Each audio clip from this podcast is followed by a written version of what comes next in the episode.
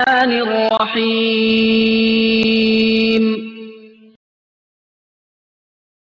إنا نحن نزلنا الذكر وإنا له لحافظون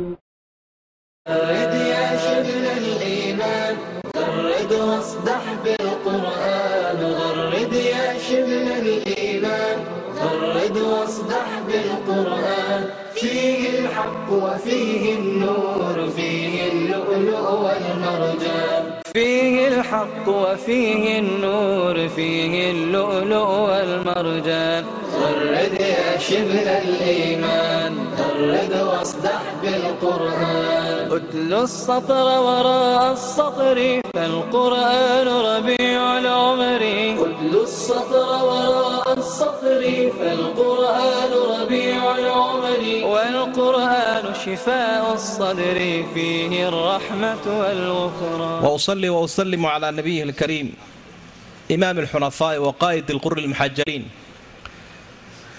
وعلى آله وأصحابه الكرام وسلم تسليما كثيرا أما بعد waxaynu ku dhex jirnay sharaxii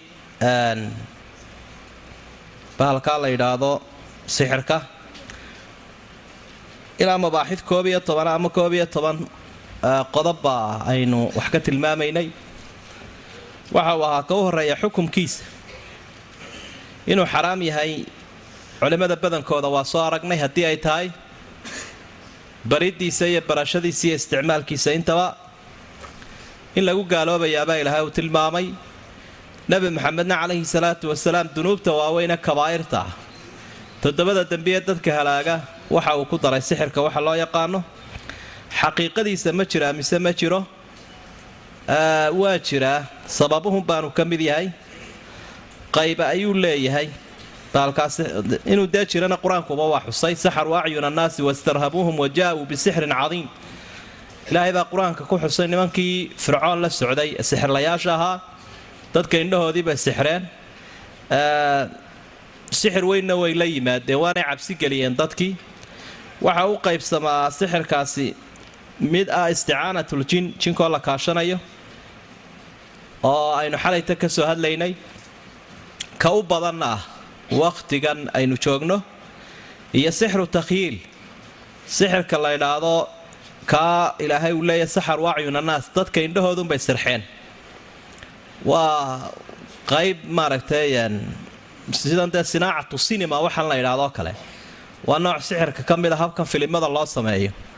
Oo iyada qudhigeeda aad arkayso khiyaaliga faraha badan ee ku jira. Waxyaabaha si uunu raaci kara waxaa ka mid a sixirkaas namiimiyanimada bahasha la ydhaahdo iskudirka naarafuufnimada. Iyaduna waa nooc sixirka ka mid a waxaa kaloo nebigu ihi inna min albayaani la sixran aftahanimada iyo fasaaxadda iyo codkarnimada laftigeedu. Waxa uu xadiidkaasi ku daray inay sixirka ka mid tahay ilaa sixirku waa wixii wax kala wareejiya. Marka qofka dhinaca xun loo jiheeyo sixirku saamayn ma leeyahay mise ma laha? Aayadda hore aynu soo aragnay saxaru acyun annaas inuu saamayn leeyahay bay xusaysaa iyo sixirkii xalayta aynu ka soo warramayna nebiga la sixray calayhi salaatu wasalaam adraaru dhibaatooyinka uu leeyahay sixirka waxa la yidhaahdo.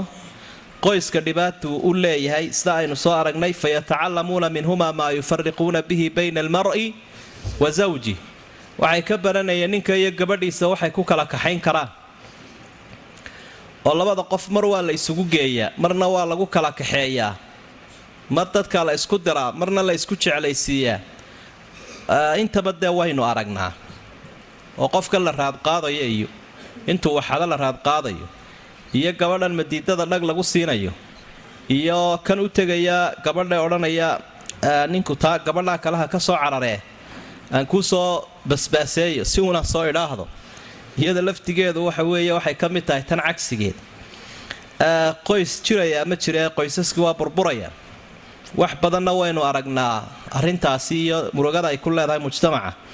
Caqiidada ayuu dhibayaa oo qofku waxa uu dareemayaa kan sixirlaha inuu maaragtay awoodihii ilaahay wato.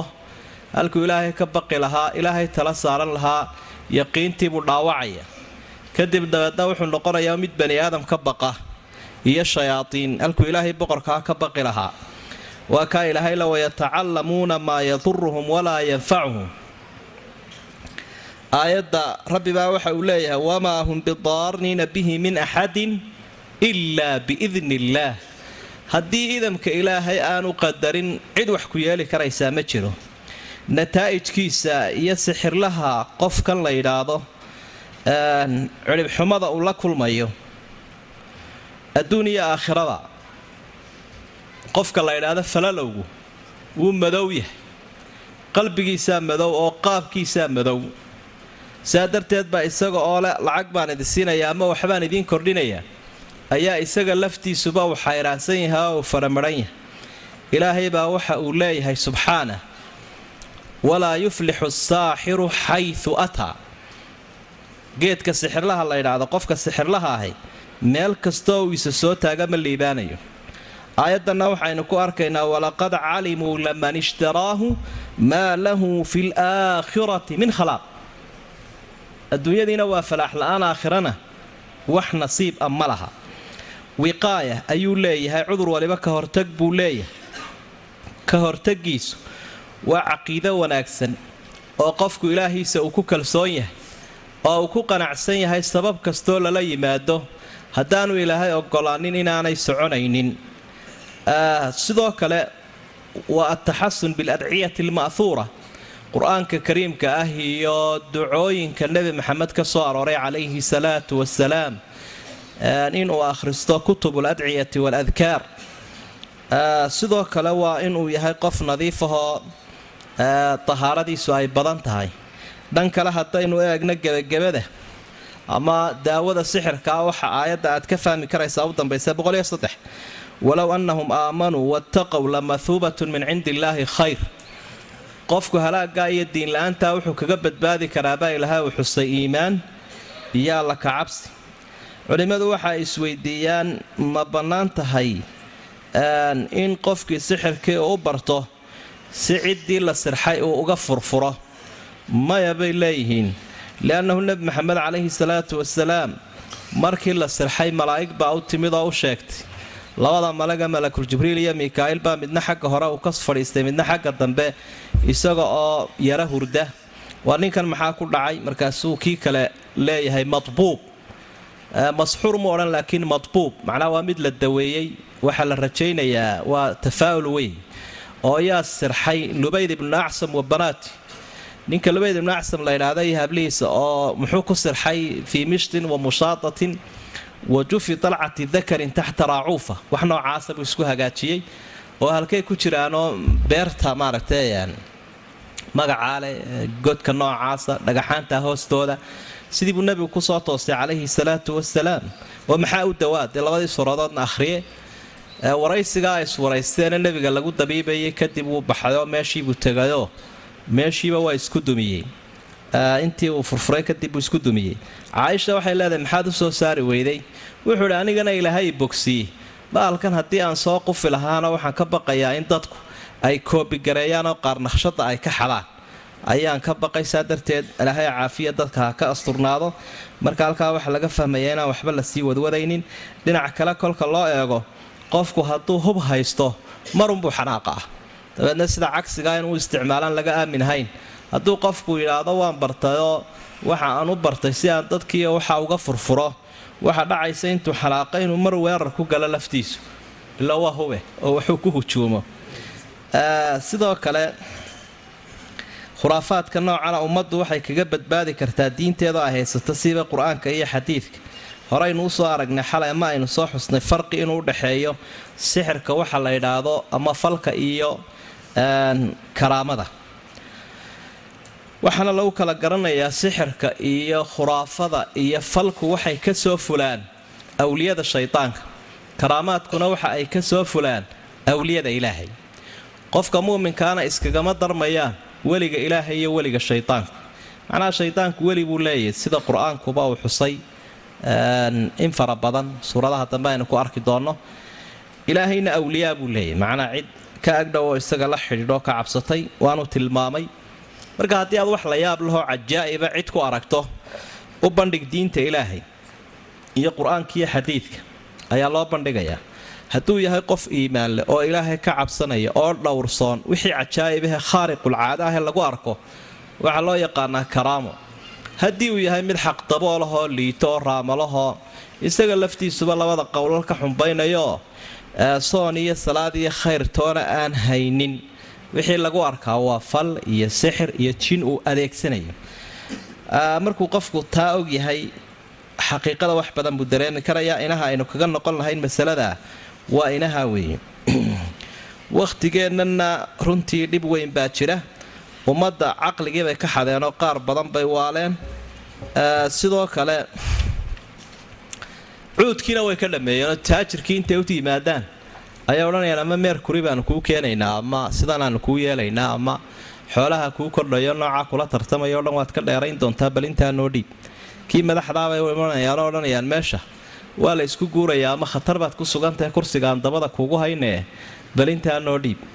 Habartiibay u imanayaanoo ninkaan ku jeclay. Waxaasoo miidhan baa soconaya. Dabeedna mujtamacii ma ogedine wax fara badanoo mashaakilabaa sixirlayaashii ka haysta. Meelahaasay ka imanayaan iyaga oo isu warramayo markuu midi wax ku helo ayuu kuwii kale ku ogaa meeshii uu ka yimi u yeedhaya.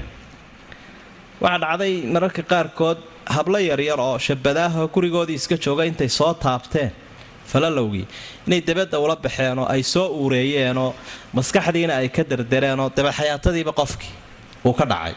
Marka xaqiiqatan dee kuwaasoo kale in tallaabo laga qaado ciqaab la mariyo waxay keenaysaa inay ka fakadaan meesha oo haddii la xidhay waa la soo daynaya. Qaarkood baa kuleeya haddii nala erya waanu soo noqon. Haddii nala xidho nala soo dayn maayo. Dhandhankii halkii unbaanu ka sii wadi doonaa. Marka wax badan oo mashaakilaa jirooo kolba qofunbay meel ka helayaan mid baadiyihii ka yimid oo lacagtii uu xoolaha ku iibiyey isagoo kuuskii sita laga xayuubiyo gidaar fadhiista iyo daajir dolarkii ururiyo ay ka qaadeen. Waxaasoo midhan baa lagaaga warramaya.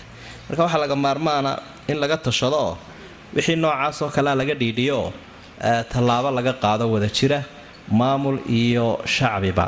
Cashar loo dhigo wixii abaal ay leeyihiin. Markay xaqiiqada arkaan way iskaga tegeen waxaana way iska dayn waaya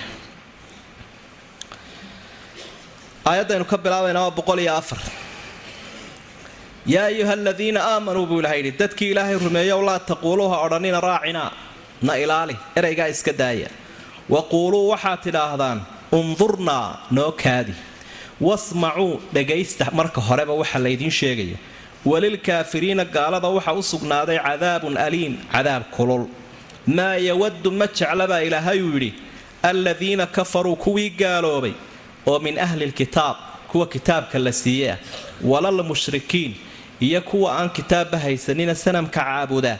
Labadaa qolo midna ma jecla an yunazala calaykum in la idinku soo dejiyo min khayrin min rabbikum. Khayr in ilaahay xaggiisa la idinka keeno diin iyo duunyada midna ma jecla.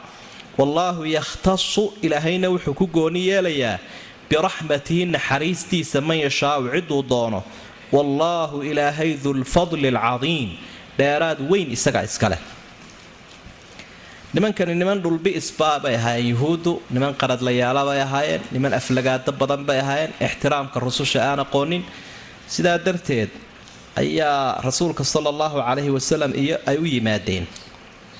Oo way u iman jireen.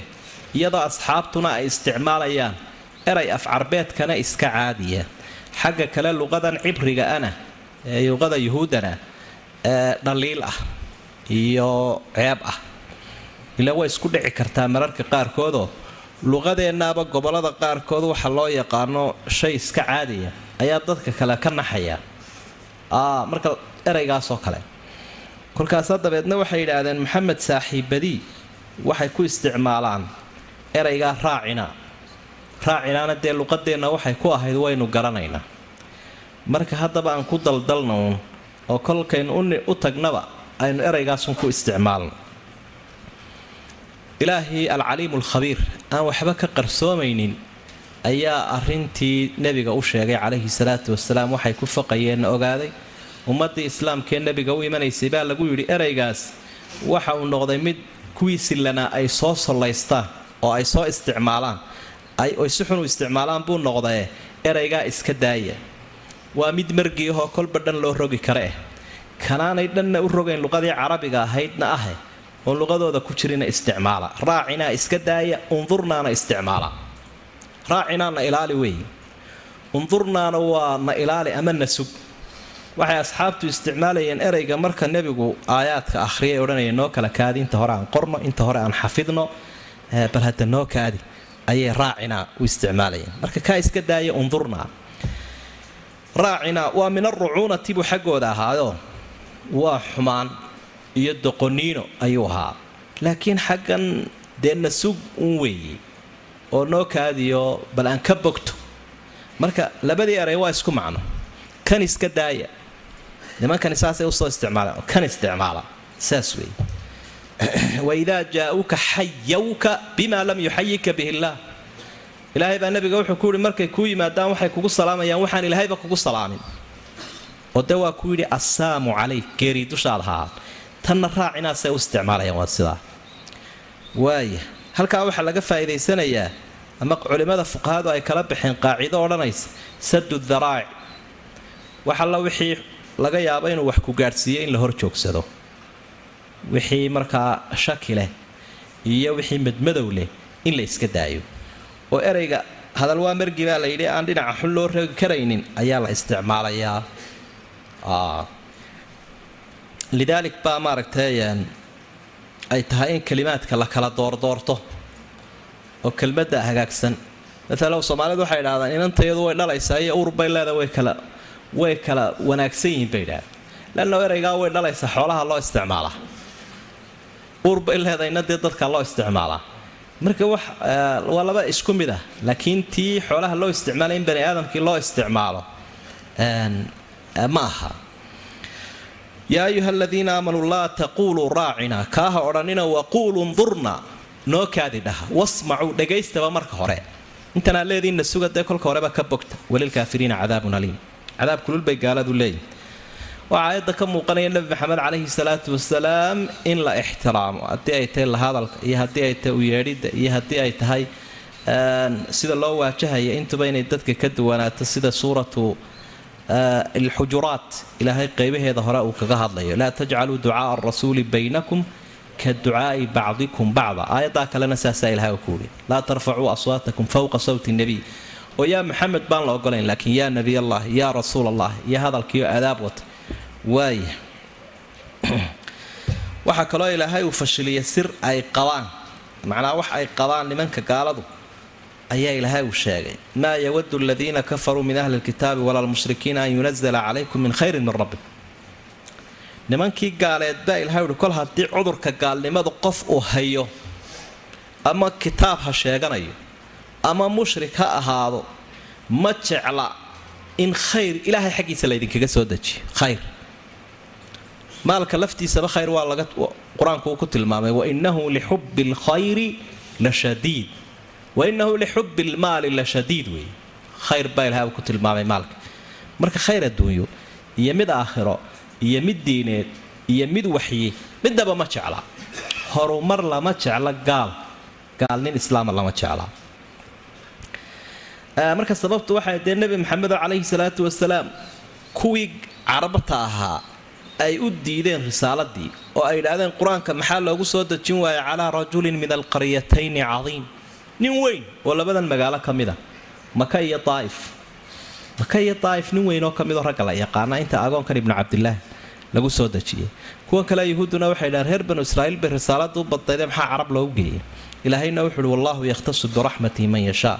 Ilaahay naxariistiisa cidda uu doono ayuu ku gooni yeelayaa. Waaya marka sidaas weeye allahu aclamu xayu yajcalu risaalata. Aayaddaas ku sugan suurat lancaam maayadaynu ku soo sheegnay habeenkii dhaweedo ancaame suurat lancaam aayaddaa ku sugan baa ilaahay uhi ilaahay isagaa yaqaana risaaladiisa halka uu dhigayo. Iyo ciddu u dhiibayo isagaa yaqaan la tilmaami maayo. Ilaahay wuxuu uhi maa nansakh wixii aanu nasakhno eanu meesha ka saarno oo min aayatin aayad ah aw nunsihaa ama aanu ku ilowsiino nebi maxamedow na'ti waxaanu keeni doonaa bikhayrin minhaa mid ka khayr badan aw milihaa ama iyada oo kale ayaanu keeni doonaa. Alam taclam miyaanad ogayn anna allaaha ilaahay calaa kulli shayin wax kasta qadiirun wuu karaa. Alam taclam miyaanad ogayn mar kale ogowo anna allaaha ilaahay lahu keligii waxa u sugnaadoon cidiba kuwa helin mulku samaawaati waalard lahaanshaha samooyinka iyo dhulka ayuu iska leeyahay wamaa lakum idinma sugnaanin dad yahow min duuni illaah inta alla ka sokaysa min waliyin cid idin difaacda walaa nasiir iyo cid idiin hiilisa marka wax idinku dhacaan midna malihidin gacal iyo xigto idinku guntata qof ilaahay uu qabsaday ma jirto. Weli shubahaadkii yahuudda ayaa ilaahay u deedifaynayaa madmadowgii ay dadka muslimiinta iyo shukuugtii ay ku soo dhex tuurayeen. Ayaa aayaddanna ilaahay uu ku deedifeeyay aayaddu markaa waxa ay ka warramaysaa boqol iyo lix. Annasqu fi nusuus aw fi lqur'aan qur'aanka kariimka ah iyo naskhiga dhici kara macnaha aayaadkii hore intoo la nasakha in qaar kale lagu nasakhayo markii nebi maxamed calayhi salaatu wasalaam laga soo jeediyey ujeedsashadii u jeedsanayay baytulmuqadas oo dhowr iyo toban bilood ay u tukanayay nebigu markuu madiine tegay. Suuradda dhexdeeda saynu ku arki doonno ilaahay wuxuu ihi xaggaa ka soo jeedso kacbada u jeedso bartaana waxbay ka soo saareen. Iclaamkoodii iyo warbaahintii ayay u saareen oo xagga nebiga ay u jeediyeen. Ilaan goor walba iclaamkaasay wataa nashuushadaa iyo xumaantaa ay ka faafinayaan. Markaasaa dabeedna halkii waswaaskii ay ka bilaabeenoo durbaankii ay garaaceenoo waxay idhaahdeen bal ninkan maalinba dadka dhan u jeedinaya u tukinaya. Siday diintiisu u sugantay shalay buu lahaa waxbaa lay faray. Maantana wuxuu leeyahay halkii hore ka soo fuqa oo halkan kalaa loo jeesanaya. Halkaa waxay taasi ku tusinaysaa wax sugan inaanu hayn eed badan bay halkaa ka bilaabeen. Dhan kale ayay haddana u rogeenoo waxay idhaahdeen sidee qur'aanka ilaahay isu nasakhi karaa? Miyaanu kalaamkii ilaahay ahayn. Mar kale ku dareenoo waxay idhaahdeen qibladii qoladoodu qaabilay. Qabyaalad kama madhna meeshaas. Taas taa uu kolka hore u jeedsaday aanu anaguba u jeedsanayna muu ku daysto? Haddaanay meeshu qolo ahayn. Ardaagii dulliga ahaana isagana way ku soo dhex dareen. Waaya dabeedna ilaahay arrinka naskhiga uu ka hadlay. Markaasaa ilahay uhi maa nansakh min aayatin aayad wixii ahayn aayadda nasakho in meesha ka saaro aw nunsihaa ama aanu ku ilowsiine adiga dee intoo la nasakhay qalbigaagaba laga saaray. Na'ti bikhayrin minha aw miliha mid ka khayr badanun baan keeni ama mid iyadii la mid a dabeedna alla wuxuu ihi miyaanaad ogayn inuu ilaahay karo wax walba miyaanaad ogayn inuu ilaahay cir iyo dhulba leeyahay. Macnaheedu taa waxa weeye yaa ku haysta kownka dadkiisa iyo duunyadiisa iyo cirkiisa iyo dhulkiisa iyo sharci dejintiisaba ilaahay isagaa leh. Cid waliba waxay leedahay marka ay maamulayso dee lama faalleeyo lama faalleeyo sidan uu galay iyo sidan uu galay lama idhaahdo ilaahay isagaa leh. Caalamkao dhan buu leeyay cirkiisa iyo dhulkiisa. Sharci dejintiisuu leeyay addoommahana isagaa leh. Marka wax lagu canaanan karo wax laga sheegi kara ilaahay ma jiro subxaana. Waaya qirooyin kalaa jiro oo aw nunsihaabay nanse ahaa qaarkood akhriyayeen quraada.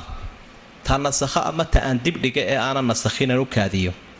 Labadaba waa lagu fasira markaa naskhigu mabaaxid buu leeyahay. Macnaa qodobo laga baadho ama meelo wax laga sheego oo laga faaqido. Usuulu tafsiir iyo usuululxadiid iyo usuululfiqi saddexda fannibana mid walba waa lagaga hadlaa oo culimmadu way kaga waramaan baabka naskhiga naskhigu tacriif iyo tilmaam buu leeyahy in yar haddaynu isdultaagno tacriifkiisu xagga luqa ahaan laba siyood baa loo tilmaamaa. Midi waa alisaala shaygii meesha laga saaro. Alla wuxuu uhi fa yansakhu llaahu maa yulqi shaytaan. Aayaddaas sida ilaahay uu ku xusay wixii shaydaanku uu soo tuuray baa ilaahay uu safaynaya mararka qaarkoodna taxwiilu shay baa loo isticmaala shaygii halkan laga qaado meel kale la geeyo. Innaa kunnaa nastansikhu maa kuntum tacmaluun. Wixii aa camal samaynayseen baanu guurinaynay xagga shareecada nasigu waxa weye rafcu lxukmi sharciy bidaliilin aw bikhitaabin sharciyin muta'ahirin canhu daliilkii hore oo uu ka daba yimaado daliil kale oo ka dambeeyey oo meesha kaa hore ka saaraya. Shuruuddiisuna waxa weeye labada daliilba ama daliilka dambe inuu sugan yahay inuu kana dambeeyey kaa hore. Meelaha uu galo naskhigu ama waxyaabaha ay suuragal tahay in la nasakho waa wixii amara iyo wixii nahya. Laakiin caqiidada iyo usuusha akhlaaqda iyo wararka intaa midna ma gala naskhigu oo arrimaha caqiidadu mar walba way sugan yihiin. Arrimaha akhlaaqda iyo usuushoodu mar walba way sugan yihiin. Wixii khabar ah iyo war ah ee qiso ah ma maqlaysid qur'aanka dhexdiisa? Waa la nasakhay. Macnaheedu waxa weeye dee been buu ahaabay noqonaysa. Beentuna ilaahay xaggiisa kama suuroobayso sidaa darteed naskhigu ma galo. Baabkan naskhiga inaad waxuun ka baadho oo aad wax ka ogaato ahmiyadu weyn bay leedahay. Saa daraaddeed baa caliy bnu abi aalib asxaabta uu ahaa aada u qiimayn jirtay baabkan iyo ogaanshihiisa iyo in dadka lagu waaniyo. Qofka diinta ilaahay wax ka sheegaya qur'aan iyo xadiidba in uu wax ka garanaya naskhigan maalin maalmaha ka mida caliy bnu abi aalib oo faqiih weyn ahaa nin waxwaaninayu arkay oo isu diyaariyay inuu wax wacdiyo. Wuu yeedhayo wuxuu idhi atacrifu naasikha min almansuukh? Miyaad kala taqaanaa qur'aanka in iyo xaadiidta inta wax nasakhaysiyo inta la nasakhay? Maya buuri wuu jawaaba wuxuu idhi halagta wa ahlagt. Adiguna waad halaagsantay dadkiina waad halaagtay. Meesha iskaga fadhiisa buu kuuli mar kale wuxuu arkay nin qaasi ahoo wax wacdiyaya ayuu arkay cali radia allaahu canhu. Wuxuu ihi war bal ninkaa u yeedha. Ninkiibaa loo yeedho wuxuu ihi miyaad kala taqaanaa naasikha iyo mansuukha? Aayadaha nasakhay iyo kuwa nasakhay iyo baabkaa macrifo ma u leedahay? Maya buuri waadaad sidaad waxu wacdiyaysaa buuri wuxuuna ku arkayaa nin le ana haahunaa ama ana fulaan ibnu fulaan anigana iga warhaya hebel hebel baan haya ninkaasunbaa lagu fahmaya oradoo meesha iska dhaaf buu kuuli cabdilaahi ibnu cabaas markii uu fasirayay qowl allahi tacaala waman yu'ta alxikma faqad uutiya khayran kaiira qofka ilaahay oo xikmadda siiyo khayr badan buu siiyey. Markuu aayaddaa fasiraya waxa uu yihi waa qofka kala garanaya naasikha alqur'aani wa mansuukha wa muxkamahu wa mutashaabiha wa muqadamahu wa muakhirah wa mu'aharah wa xalaalahu wa xaraamah qofka afar arrimood oo axkaamta qur'aanka ka mida si wanaagsan u garanaya xikmaddaa la siiyey aayadaha wax nasakhaya iyo kuwa la nasakhayo iyo ka muxkamka ah ee la fasiri kara iyo ka mutashaabiha ee macnihiisa ilaahay loo celinayo iyo ka muqadamka ah iyo ka mu'akharka ah xalaasha iyo xaraamta kastaa u kala garanaya weeye ka xikmaddaa la siiyey. Maxaa lagu garan karaa? Aayadda ama naskaasi inuu mansuuq yahay. Waxaa lagu garan karaa raawigii warinaya oo sheega. Waxaa lagu garan karaa daliilka laftiisa oo ay ku dhex jirtaba. Qayb ka mid ahoo muujinaysa in kaa hore uu mansuuq yahay. Sida aayadda aynugu tegi doono suurat lanfaal alaana khafafa allaahu cankum wacalima ana fiikum dacfa. Xukunkii hore ilaahay imikuu fududeeyey. Naskaasi wuxuu tilmaamayaa kani inuu yahay ka la raacayo kii horena uu yahay ka laga guurayo. Aaraada laga qabo xagga naskhiga muslimiintu sida ay u dhan yihiin waxa ay qabaan in daliiladu isnasakhi karaan qur'aanka iyo xadiidka labaduba marka laga reebo nin mufasir ahaa oo muctasilada ka mid ahaa oo la odhan jiray abuu muslim al asfahaani oo isagu ka soo horjeedsaday laakiin nimanka yahuudda la idhaahdo iyagu ma qabaan naskhiga oo waa kuwan dee ka soo horjeeda nebi maxamed ku dhaliilay ilaahayna sababtooda uu qur'aanka u soo dejiyey. Iyada oo shuruucdii iyagu ay haysteen iyo kuwii ka horreeyaba naskhigaasi uu dhexdhici jiray oo wakhtigoodii waxa la nasakhay arrin jiri jirtay wakhtigii nebi nuux iyo wakhtigii nebi aadan buu ahaa labada walaali inay isguursan karayeen markii dadku yaraa. Taa baryihii dambe dadku uu batay baa la nasakhay shuruucdoodii baa lagu nasakhay way ogaayeen. Waxaa kaloo ay ogaayeen in amar la siiyey nebi ibraahim calayhi salaam la leeyahay inankaaga gowrac xukunkaa waa la nasakhayoo ilaahay wuu furtayoo wuu badbaadiyey iyo waxyaabo badan oo kale. Laakiin way dhagoolaynayaan oogaanbay isu nasaqayaan qaybuu leeyahay naskhigu marka aynu si koobkooban u dulbarno baabku muxaadaraad buu u baahan yahay. Qaybihiisa waxaa ka mid a qur'aanka oo qur'aan lagu nasakhay ama xadiid xadiid lagu nasakhay ama qur'aan xadiid lagu nasakhay ama xadiid qur'aan lagu nasakhay. Afartaasiba way jiraan waa laba laba lagu dhuftay. Wuxuuna culimmada qaarkood muran ka keeneen xadiidku ma nasakhi kalaa qur'aanka maadaama qur'aanku dee uu ka xoog badan yahay inta kale saddexda kale laakiin way isla waafaqsan yihiin noocyaal buu leeyahay noocyaal naskhigu aynu ku arki doonno marka aynu ku dhex jirno axkaamta insha allahu tacaala. Noocyadaa waxaa ka mid ah mararka qaarkood aayadda qur'aanka ah lafdigeediioo joogaa lagu odhanayaa macnaheeda aayad heblaalayaa nasakhdayoo lafdigunbaa la akhriyayaa ee macnaheeda lagu camalfali maayo. Waana naskhiga ugu badan weeye qayb waxaa la ydhaahdaa xog naskhulxog maca baqaa'i tilaawa akhrintii way joogtaa waa lagu cibaadaysanaya kitaabkay ku qoranta laakiin xukumkii aayad ka dambaysaa nasakhday waxa labaad oo iyaduna jirta sidaa cagsigeed oo ah in aan aayadan la akhriyaynin lafdigeeda laakiin haddana macna ahaan loogu camalfalayo macna ahaan ay u joogto.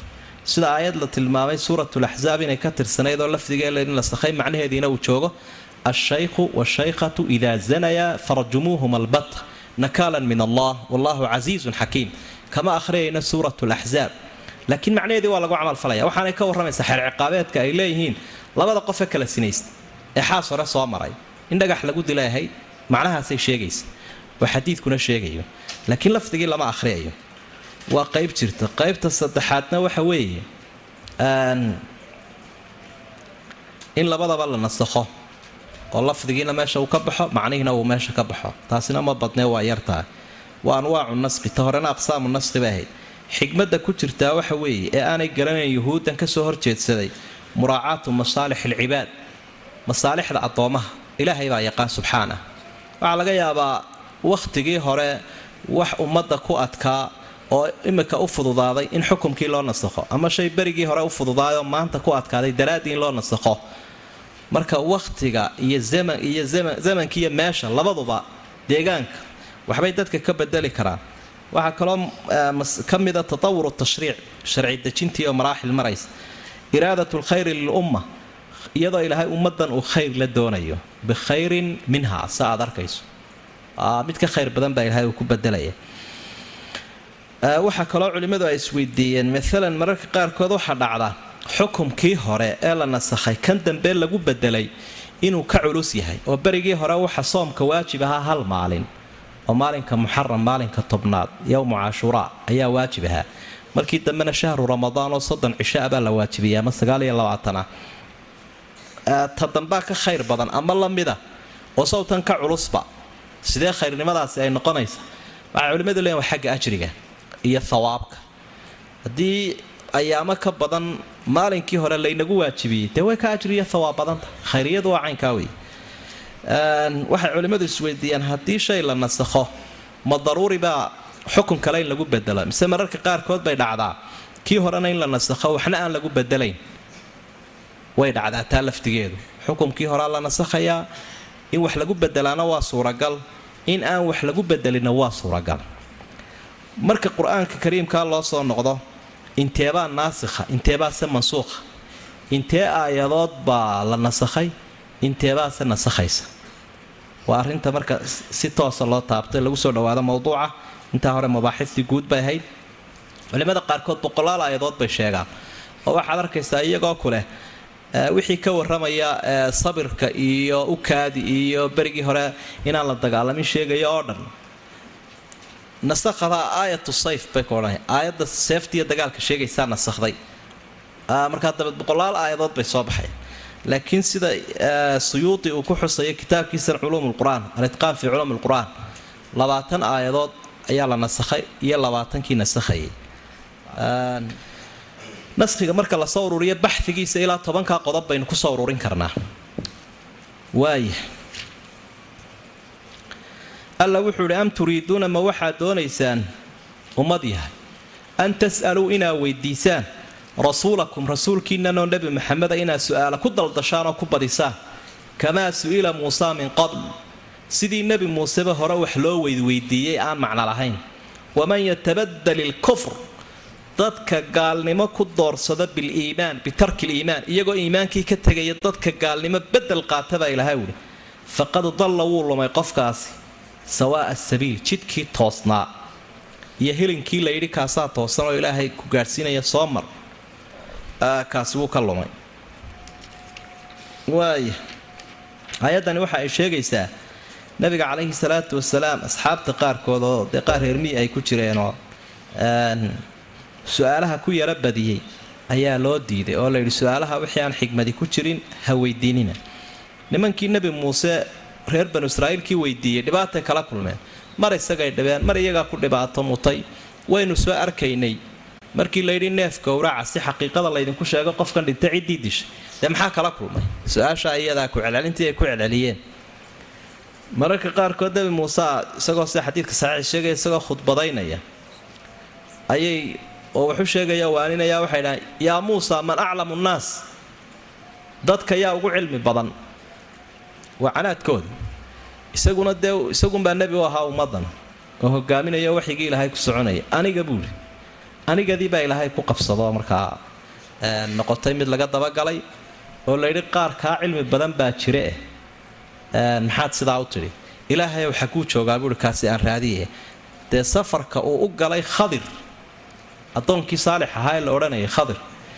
Suuratulkahfi baad ka akhriyi karaysa. Ee uu yidhi laqad laqiinaa min safarinaa haada nasaban. Wallaahi dhib baa iga soo gaadhay hawsha. Hawl baan kala kulmay halkan. Marka nebi maxamed calayhi salaatu wasalaam ha weydiinina rasuulkiina sidii loo weydweydiinayoo kale muuse. Su'aalaha qaarkoodna madaxadayg baa ka muuqanaya. Macnaha su'aashani ma aha su'aalu listiclaam walistifsaar walistifhaam su'aal wax lagu kororsanaya maaha laakiin su'aashan la diiday waxa weeye su'aalu tacanud su'aasha iyada wax lagu kororsanaya waa layna amro waxa la fasaluu ahla dikri in kuntum laa taclamuun haddaydaan aqoon lahayn aqoonyahanka diinta wax weydiiya baa layidhi laakiin waa su'aasha qofku isagoo garanaya uu qofkii ku aamusiinaya ama uu kula canaatamayo qaybta dambaana muujinaysa.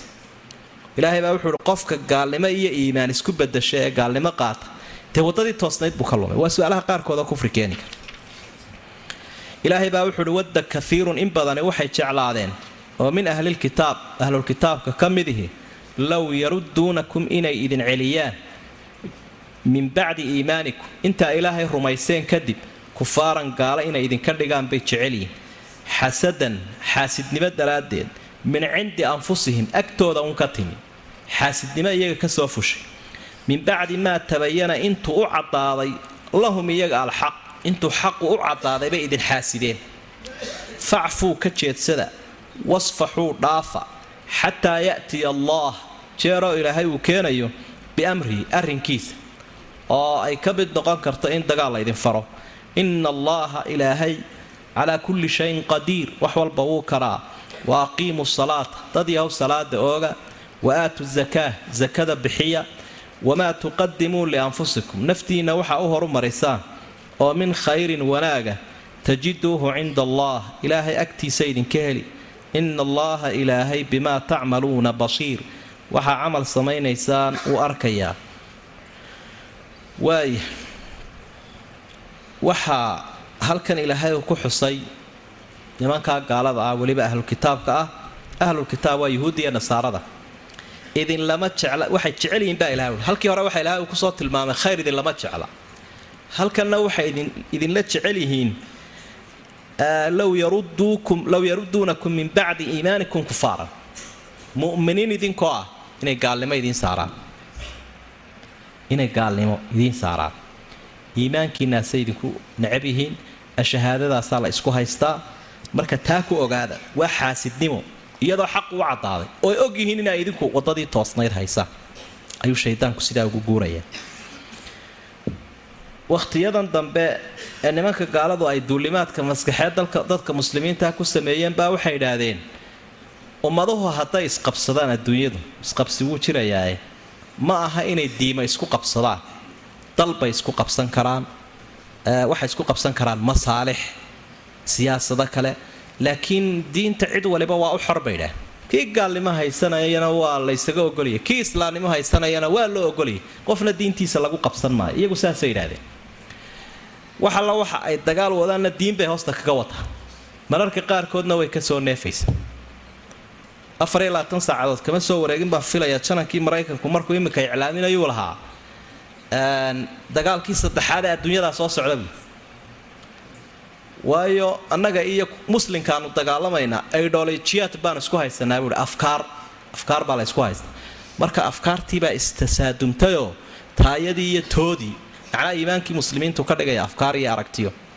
Saa darteed meeshan waxbaa ka soo socda sii faashtiisii yurubka aanu dagaalkii koobaad iyo labaad isu qabsannay.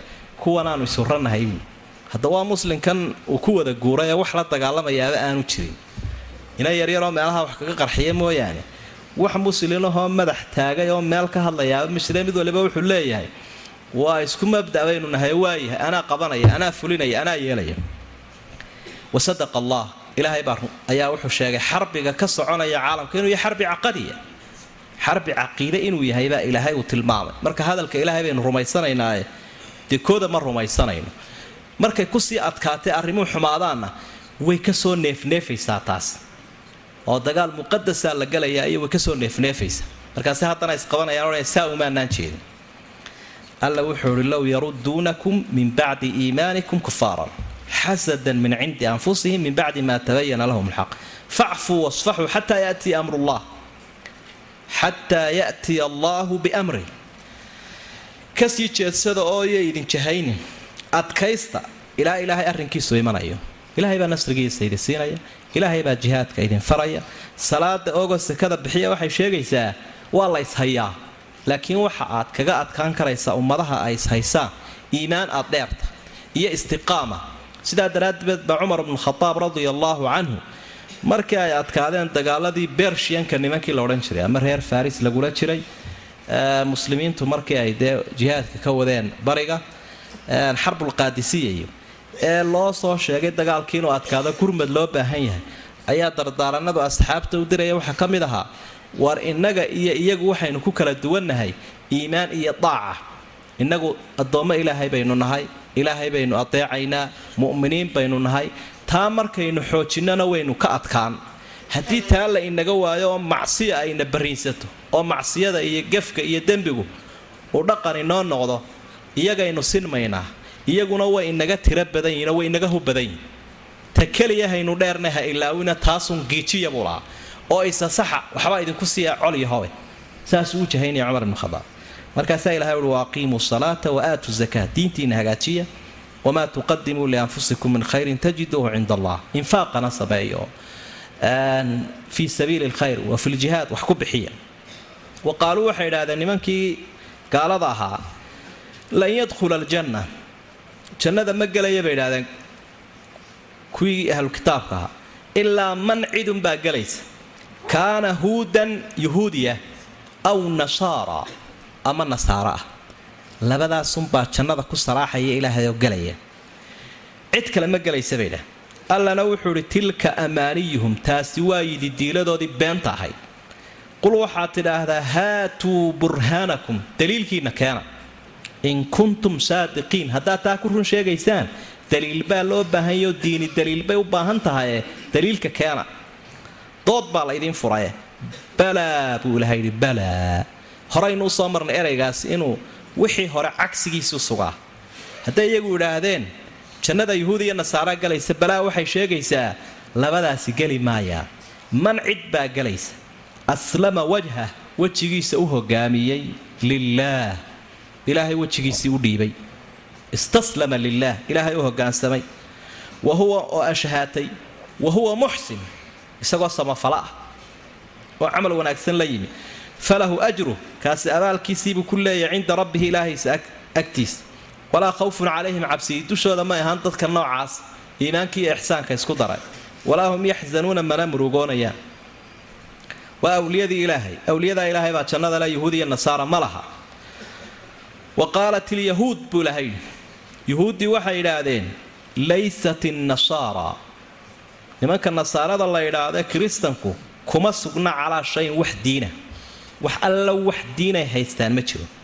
Wa qaalat innasaara kuwii kiristankaana waxay idhaahdeen laysat ilyahuud nimankii yuhuudda ahaa kuma sugna calaa shayin wax diinay haystaan ma jiro.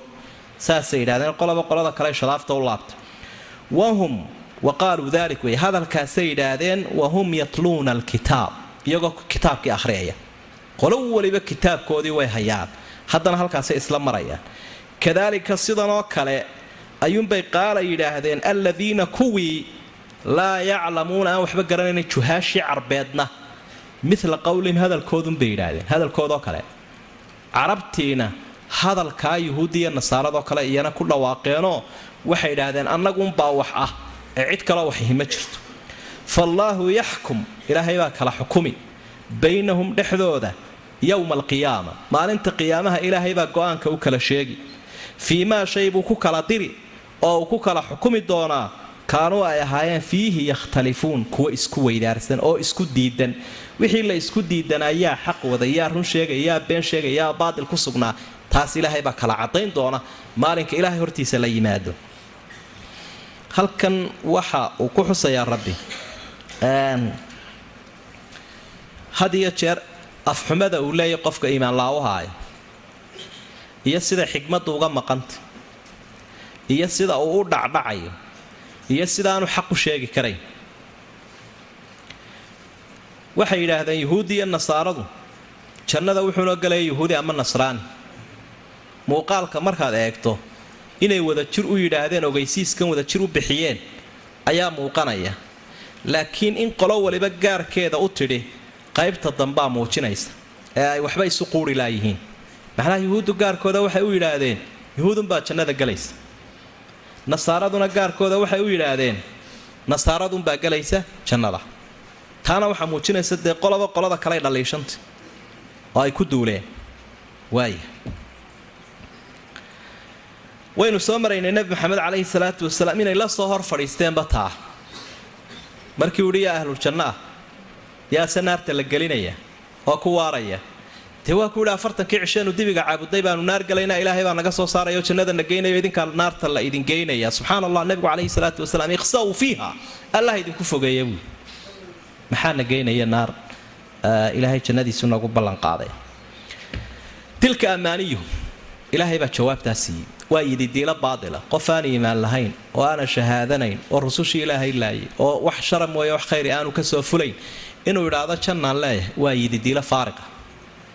qofku waxa uu yu-anayo ama uu sugayo mustaqbalka haddii camalkeedii aanu lahayn waa yidhi diilaa la ydhaahdaa al amaani baa la ydhaahdaa hadduu wax sugayo oo u camal falayana rajaa baa la ydhaha amaaniduu diiday islaamku rajadana waa ogolyahay oo qofka muslimkaa waxaa la doonayaa in an yajmaca bayna alrajaa'i waalkhawf isagoo cabsanaya inuu haddana wax rajeeyo. Ilaahay cadaabkiisana uu ka cabsado jannadiisana uu rajeeyo qur'aanka kariimkaah waxa uuna barayaa dadka habka loo qanciyo habka miiska wadahadallada iyo dooda loogaga guulaysto. Qofka muslimkaah waa qof isku kalsoon waa qof xujadiisii iyo bayaankiisii haysta waa qof xaqii haysta cidda had iyo jeer xaqa haysaana fidrada iyo abuurka caadiga ahay iyadu u hiilinaya. Marka ha murmina ha xanaaqina ha hanjabina qul haatuu burhaanakum in kuntum saadiqiin. Daliilkun keena wixii diina wixii caqiidaa wixii taariikha wixii mustaqbalka la xidhiidha iyo qeybka daliil bay u baahan yihiin qadciya oo qur'aan iyo xadiid. Oo ilaahay xaggiisa ka yimi daliilkaasun keena. Haddaa run sheegay daliilkiibaa la waayay soo maaha run baydaan sheegay. Balaa buu ilaha yidhi isagaa ka jawaabay. Anaa tilmaamaya baa ilaha yidhi kuwaas waxba tilmaana ka qaadanine. Man aslama wajhahu lilaahi wa huwa muxsin qofka wejigiisa ilaahay u dhiibay macnaheedu waxa weeye qofka islaamay ee toosay ee samafalaha ah aamanuu wa camilu saalixaati oo kale ka dhiganta man aslama wajhahu lilaah wa aamanuu halkeediibay taagantay qofka ilaahay isu dhiibay waa qofa shahaada wa huwa muxsinna wa camilu saalixaati halkeediibay taagantay qofka iimaan iyo camal wanaagsan isku daray kaasaa ilaahay agtiisa ajri u yaalla janna u taalla cabsi iyo muruga lahayn. Awliyada ilaahay bay jannada ilaahay u diyaarsanta goobtuu ilaahay awliyadiisa ku casuumaya wey weli shaydaan weeye yuhuudiya nasaara. Waxa ilaha uu tilmaamay dhaqanka ahlulkitaabka iyo diinlaawayaashu waxa weeye in ay intay ifka joogaan isnacdalaan sida halkan ilaahay ku xusay. Aakhire markay tagaanna way isnacdalayaan. Kullamaa dakhalat ummatun lacanat ukhtaha mar kastay qola naarta gasho kuwii ka horreeyay walaasheedii kaley nacdalaysa halkana ilaahay wuxuu ihi waqaalat ilyahuudu laysat innasaara calaa shay. Wa qaalat innasaara laysat ilyahuudu calaa shay. Yahuuddii baa waxay leeyihiin kiristanku diin maayaan nasaaraduna waxa ay leeyihiin yahuuddu calaa shayin wax yarna ma haystaan diin yarna ma haystaan. Dagaalkaasi wuu ka dhex oogan yahay. Taxsabuhum jamiican wa quluubuhum shataa way kala fogyihiin laakiin inay midaysan yihiin baad moodaa goorta ay midaysan yihiin ma taqaanaa. Waa marka islaam la waajahayo. Marka islaam la waajahayo yuhuudda iyo nasaarada iyo buudiiska iyo mushriga waa niman ilmaadeera niman ilmaadeerahoo qolana bariga adduunyada degan tahay qolana galbeedka adduunyada wey waa adiga arkayo diyaaradaha la isu fuulayaa waa la isu socdaa. Qaraaradaa la soo wada saarayaa fiitoodaa la wada leeyahy mar hadday muslim noqoto taariikhdu waa macruuf berigii nimankii mongoliska la odhan jiray ama tataarku dadka muslimiinta ay ku soo duuleen caasimadda ay ka qabsadeen khaliifkii ay dileen ay baabiiyeen dad badan oo dhowr milyan ay dileen. Dabcan kuwii kiristankaa laftigoodana hadhow may jiidin ee inalla intan jumhuuriyadaha ruushka oo dhan way qabsadeen ilaa moscow. Iyaga kiristanka laftigoodana way baabiiyeen haddana maxaa jira? Iyagoo sidaa u laayay kuwa reer yurub intay wufuud soo diraan ayay nimankaa tataarka ayay ka xadhig xidhanayeen. Dabeedna waxay odhanayeen taayadaa waanu idinka saamixi aanalayseen muslimkan hortaagan aan haddana ku wada duulno. Hadda waa nimankii ay laayeen ayaa waxay leeyiin aan u heshiino aan iska horqaadno waayo waxay dareensanaayeen dadkan muslimiinta inay wada degayiin laakiin kuwan soo duulay ay iska noqon doonaan oo ciidamo noqon doonaa yihiin. Waaya ilaahay wuu ku eedeeyo waxau ihi wahum yatluuna alkitaab. Dad diin sheeganaya oo kitaab haysta inay isu kala tiriyaan oo ay iscaayaan oo kitaabkooda uu xidhi waayo kitaabkooda ay ku camal fali waayaan ayaa ilaahay uu ku eedeeyey. Dadku hadday diin leeyihiin kitaabay leeyihiin culimo ay yihiin anshaxa iyo adaabta iyo akhlaaqda iyo qiyamka suubani iyaga ayuu ka soo fulaa xaqdhowrka iyaga loogu yimaadaa karaamada. Marka wahum yatluuna alkitaab qof kitaabkii akhriyayaa inuu ka been sheego looxtuur uu noqdo. Dhibkeeday leedahay. Kadalika qaala aladiina laa yaclamuuna mila qowlihim kuwii aan waxba garanayna hadalka yuhuudi iyo nasaarado kale yidhaahdeen. Mushrikiintiina wayse soo taageenoo waxay dhahdeen diintii nebi ibraahim annaga ayaa haysana kacbadu dhisaanu joognaa waxaa kaloo dhan way iska xiiqayaanoo diin ma hayaan. Faallaahu yaxkumu baynahum yowma alqiyaamati fii ma kaanuu fiihi yakhtalifuun inkastaba ha socote eh ilaahay hortiisaa la tegi doonaa halkaasaana ilaahay uu ku kala xisaabin doonaa tan noocyada badan. Waman adlamu buu ilahay yidhi yaa ka gardarro badan miman cidda manaca masaajid allah. Ilaahay masaajidiisa cidda hor joogsata an yudkara fiiha in lagu xuso ismuhu magaciisa wa sacaa u dhaqdhaqaaqay fii kharaabiha. Masaajidadaasi sida ay u kharaabi lahayd. Kuwaa cidina kama dulmi badna ulaa'ika kuwa maa kaana lahum umay habboonayn an yadkhuluuha inay galaan ilaa khaa'ifiin iyagoo ilaahay ka cabsanayaa u habboonayd inay galaan mase yeelin. Lahum fi dunyaa adduunyada waxa ay ku leeyihiin kuwa noocaasihi khisyun dulli walahum fi laakhira aakhirana waxa ay leeyihiinoo u sugnaaday cadaabun cadiim cadaab weyn. Walilaahi ilaahay keligii waxa u sugnaaday almashriqu meeshay qoraxdu ka soo baxdo waalmaqribu iyo meesha ay ka dhacdo fa aynamaa tuwalluu meel kasta oo dad yahow laydiin jeediyo ama ujeedsataanba fa thamma wajhu allah halkaasi waa wejigii ilaahay oo cibaadadu waa idinku ansaxaysa ina allaha waasicun caliim ilaahay baa wax walba ka waasica oo aan meel la dhexgeli karaynin caliim wax walba ogsoon wa qaaluu waxay idhaahdeen gaaladu ittakhada allaahu waladan ilaahay baa ubad samaystay subxaanah tansiihan lah ilaahay isagaa ka hufan waxa ay sheegeen bal ka kaalay oo lahu waxaba u sugnaaday maa fi samaawaati waalard waxa ku sugan samooyinka iyo dhulka muxuu ubad uga baahan yahayba? Kullun dhammaan wax alla wuxuu abuuray oo dhammi lahu isaga qaanituun ay mutiicuun kuwa adeecaya oo ka tala qaadanaya weeye. Badiicu samaawaati waalard samooyinka iyo dhulka ayuu ammaamuday oo uu soo bilaabay isagoon meella ka eeganin wa idaa qadaa amran arrin marka uu go'aamiyuu xukumo fa innamaa yaquulu lahu wuxuunu odhanayaa kun ahaw fa yakuunu markaasuu ahaanaya arrinkaas oo la helayaa waaya aayaddani waxa ay ku soo degtay nimankii mushrikiinta ahaa ee nebi maxamed u diiday calayhi salaatu wasalaam beytkii ilaahay beytullaahi alxaraam ayay ka hor joogsadeen sanadii lixaad bay ahayd isagoo kun iyo dhowr boqoloo asxaabtaa wata cibaado iyo cumro u socda. Inay yidhaahdeen carabi ku sheekaysan maysa muxamedkii meesha laga eryaybaa iska soo galay lagama yaabo. Halkaasaad ka noqonaysa haddaad doonto sanadka dambe soo cumrayso. Laakiin waa inaanu muujinnaa inaanu awood u leenay inaanu ku celin karno. Rasuulkana sala allahu calayhi wasalam wakhtigaa lama amrin jihaad sidaa darteed buu halkaa ka noqday.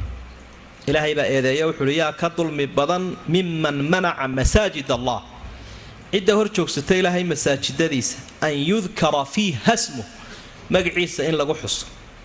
Wasaca fii kharaabiha u socday u orday u gucleeyey inuu kharaabo masjidkii macnaheedu markaa waxa weeyaan masjidku dee tacmiirtan dhismahana wuu leeyahay tacmiirta cilmiga iyo cibaadadana wuu leeyahay. Haddii la dhiso oo aan khayrba lagu soo qaadin ama wax shara lagu wado sida ay dee samaynayeen nimankaa gaalada amaba cid ku tukanaysa iyo cid wax ku akhriyaysa aanu jirin wuu kharaabaya oo dee dhismihii faa'iido yeelan maayo. Marka aayaddu sababtaasay lahayd laakiin guud ahaanba waxa aayaddu ay xusaysaa masaajidadu waxaa lagu camirayaa inuu yahay ilaahay dikrigiisa iyo cibaadadiisa iyo xuska alleh iyo asmaa'adiisa iyo sifaadkiisa wixii khayrla baa lagu camirayaa marka waxaa lagu hayaa marnaba shar noqon maayee waa shay khayr leh saa darteed bay habboon tahay sida dhismihiisa loo camiray in loo camiro cilmiga iyo cibaadadiina lagu camiro masjidkii. Sidoo kale dee shayga cid waxa lagu hayaana uu noqdo uun cibaado alleh oo keliya oo aan xukuumadina hor joogsanin. Baryahan dambe maamulada caalamul islaami way iska ilaaliyaan masjidkaasoo waxay dhahdeen oo meeshaasaa la yska soo urursanayaa waxay gaadheen salaada marka lagu tukado marka waddamada islaamka marmarto. Jamaca u horeeyaa markuu dhammaado afarta albaabbaa quful lala taagan yahay. Qam yaan laynoo soo fadhiisanayno xalqad layska soo abaabula imanin marka waa nooc kharaaba bay noqonaysa kharaaba. Wa ana almasaajida lilaahi falaa tadcuu maca allahi axada. Wixii lagu hayoo dhamina ilaahay buu khaalis u yahay. Cid kale lagu wadi maayo. Ulaa'ika maa kaana lahum an yadkhuluuha ilaa khaa'ifiin. Umay habboonayn iyagoo cabsanaya mooy inay galaan. Ilaahay inay alla kacabsi inay halkaa ku hayaan bahe laakiin sanamyaal iyo kufriyaad iyo shirkiyaad iyo gaalnimo iyo say qurayshi samayn jirtee maya? Oo qofku markuu halkaa joogo alla kacabsi buu ku joogayaa meel wax laga xantay iyo meel dadka lagu qaybiyay iyo meel dadka laga radiyay iyo meel wax laga caayay iyo masjidku maaha xaasha si kale culimmadu waxay leeyihiin tafsiir ishaariya. Waxay aayaddu u faa'iidaynaysaa guubaabo ilaahay ummadda islaamka uu guubaabinayo uu leeyahay ulaa'ika maa kaana lahum an yadkhuluuha ilaa khaa'ifiin. Waar nimanka halkaa idiin diiday uma habboona inay meeshaba soo galaan iyagoo cabsanaya mooyaane. Nimanka iska celiya oo cabsi geliya oo ku talagala inaad masaajidka ka xoraysaan baytullaahi alcatiiq. Guriga ilaahay. Sidii baanay noqoto dee laba sano kadib iyagoo cabsanaya ama meeshii ay soo galeen ama ay maaragtay ka baxeenba. Adduun iyo aakhiraba lahum fi dunya khizun walahum fi laakhirati cadaabun cadiim waaya aayaddanina waxa ay tilmaamaysaa walilaahi almashriqu waalmaqrib bari iyo galbeedba ilaahay baa lehe fa aynamaa tuwalluu fahama wajhu llah meesha u jeesataaba waa ilaahay wejigiisa. Ina allaha waasicun caliim. Rasuulka sala allahu calayhi wasalam markii uu u jeedsaday qibladan kacbada ayay wax ka sheegeenoo waxay yidhahdeen xaggaa salaadyo kagama si kale u dhigeenoo waxay yidhahdeen bal kuwa nool garanay hadday xaggaa kacbadoodii u jeedsadeene kuwii iyagoo xaggaa baytulmuqadas u tukanaya dhintay bal salaadoodii see loo aqbalay waa bilaa salaad kuwaas waswaaska waswaas bay u fikiraya. Dabeedna ilaahay baa wuxuu ihi bari iyo galbeedba ilaahay baa le halkaa u jeesataanba way idinkaga ansaxaysa cibaadadu. Si kale waxaa dhacday asxaabtii iyo nabigu iyagoo safar ku jira inay ambadeen dhowr meelood ay u kala jeesteen ama meel aan qibladiiba ahayn. Subaxii haddii la arkay meel aan qibladii ahayn in loo jeedsaday oo laga yar fikirayna ilaahay baa aayaddan soo dejiyay marka aayaddu waxay curdaar siinaysa qofku marka uu inuu meeshu u tukadaba cibaadadu ay kaga ansaxayso mar hadduu go'aankiisii qaatay halkii uu u filayay uun. Waxaa labaad oo ruqsad ay siinaysaa inuu qiblada ka jeedsan karo qofka sunnaysanaya ee musaafirka ah. Isaguna ruqsad buu leeyahay. Waa labada xaaladood ee la qofku inuu qiblada ka jeedsaday iyo marka uu jihaadka ku jiray qiblada u suuroobi weydo culimada qaarkoodna waxay leeyihiin aayadda waa la nasakhayoo aayaadkii la nasakhayay uba soo horraysaa ee labaatanka ahaa oo aayaadka sheegaya in qiblada loo jeedsadee soo socda. Juska koobaad agtiisa ayaa nasakhaya iyaduna waa mansuuq in allaha waasicun caliim. Wa qaaluu ittakhada allaahu waladan subxaanah nimankii gaaleed baa ilaahay walad u sugay. Yuhuuddu waxay idhahdeen ninka cusayr la ydhaha ibnullah. Kiristanku waxay idhahdeen ciisa ina ilaahaya mushrikiintii gaaladii carbeed waxay idhaahdeen malaa'igta habla ilaahaya subxaanah baynu mar walba ku jawaabaynaa bal lahu maa fi samaawaati waalard macnaheedu waxa weeye si adag baa ilaahay u radiyey. Caalamkao dhan buu leeyahy lahaanshaha iyo ubadnimadu isma galaan. Macnaha haddii addoonnima meeshii ay timid oo uu iska leeyahay siday ubad ugu noqonayaa cidina ubadkeeda ma addoonsato. Addoommay u yihiin ubad baanay ahayn weeye badiicu samaawaati waalard baahi baan haynin weeye samooyinkiiyo dhulkaba kol hadduu abuuray oo awooddaa uu leeyahay. Awooddiisu waxa weeye waidaa qadaa amran fa inamaa yaquulu lahu kun fayakuun bayna alkaafi wannuun wixii uu doonayo ahaw buu odhanaya markaasuu ahaanaya. Ubadkana waxaa loo samaystaa adduunyada iskaa garab taago. Duruuftaa kaala qayb qaato. Markaad shilicdeed taclaanta waxa kuu taro. Muxuu uga baahan yahayba? Arrimihiisu waxay ku urursan yihiin bayna alkaafi wannuun awooddiisu waa taa addoommay u wada yihiin ciduu dhalay ma jiro subxaana. Si adag baa ilaahay u deedifeeyey kalimaadka kufriga. Wallahu subxana wa tacala aclam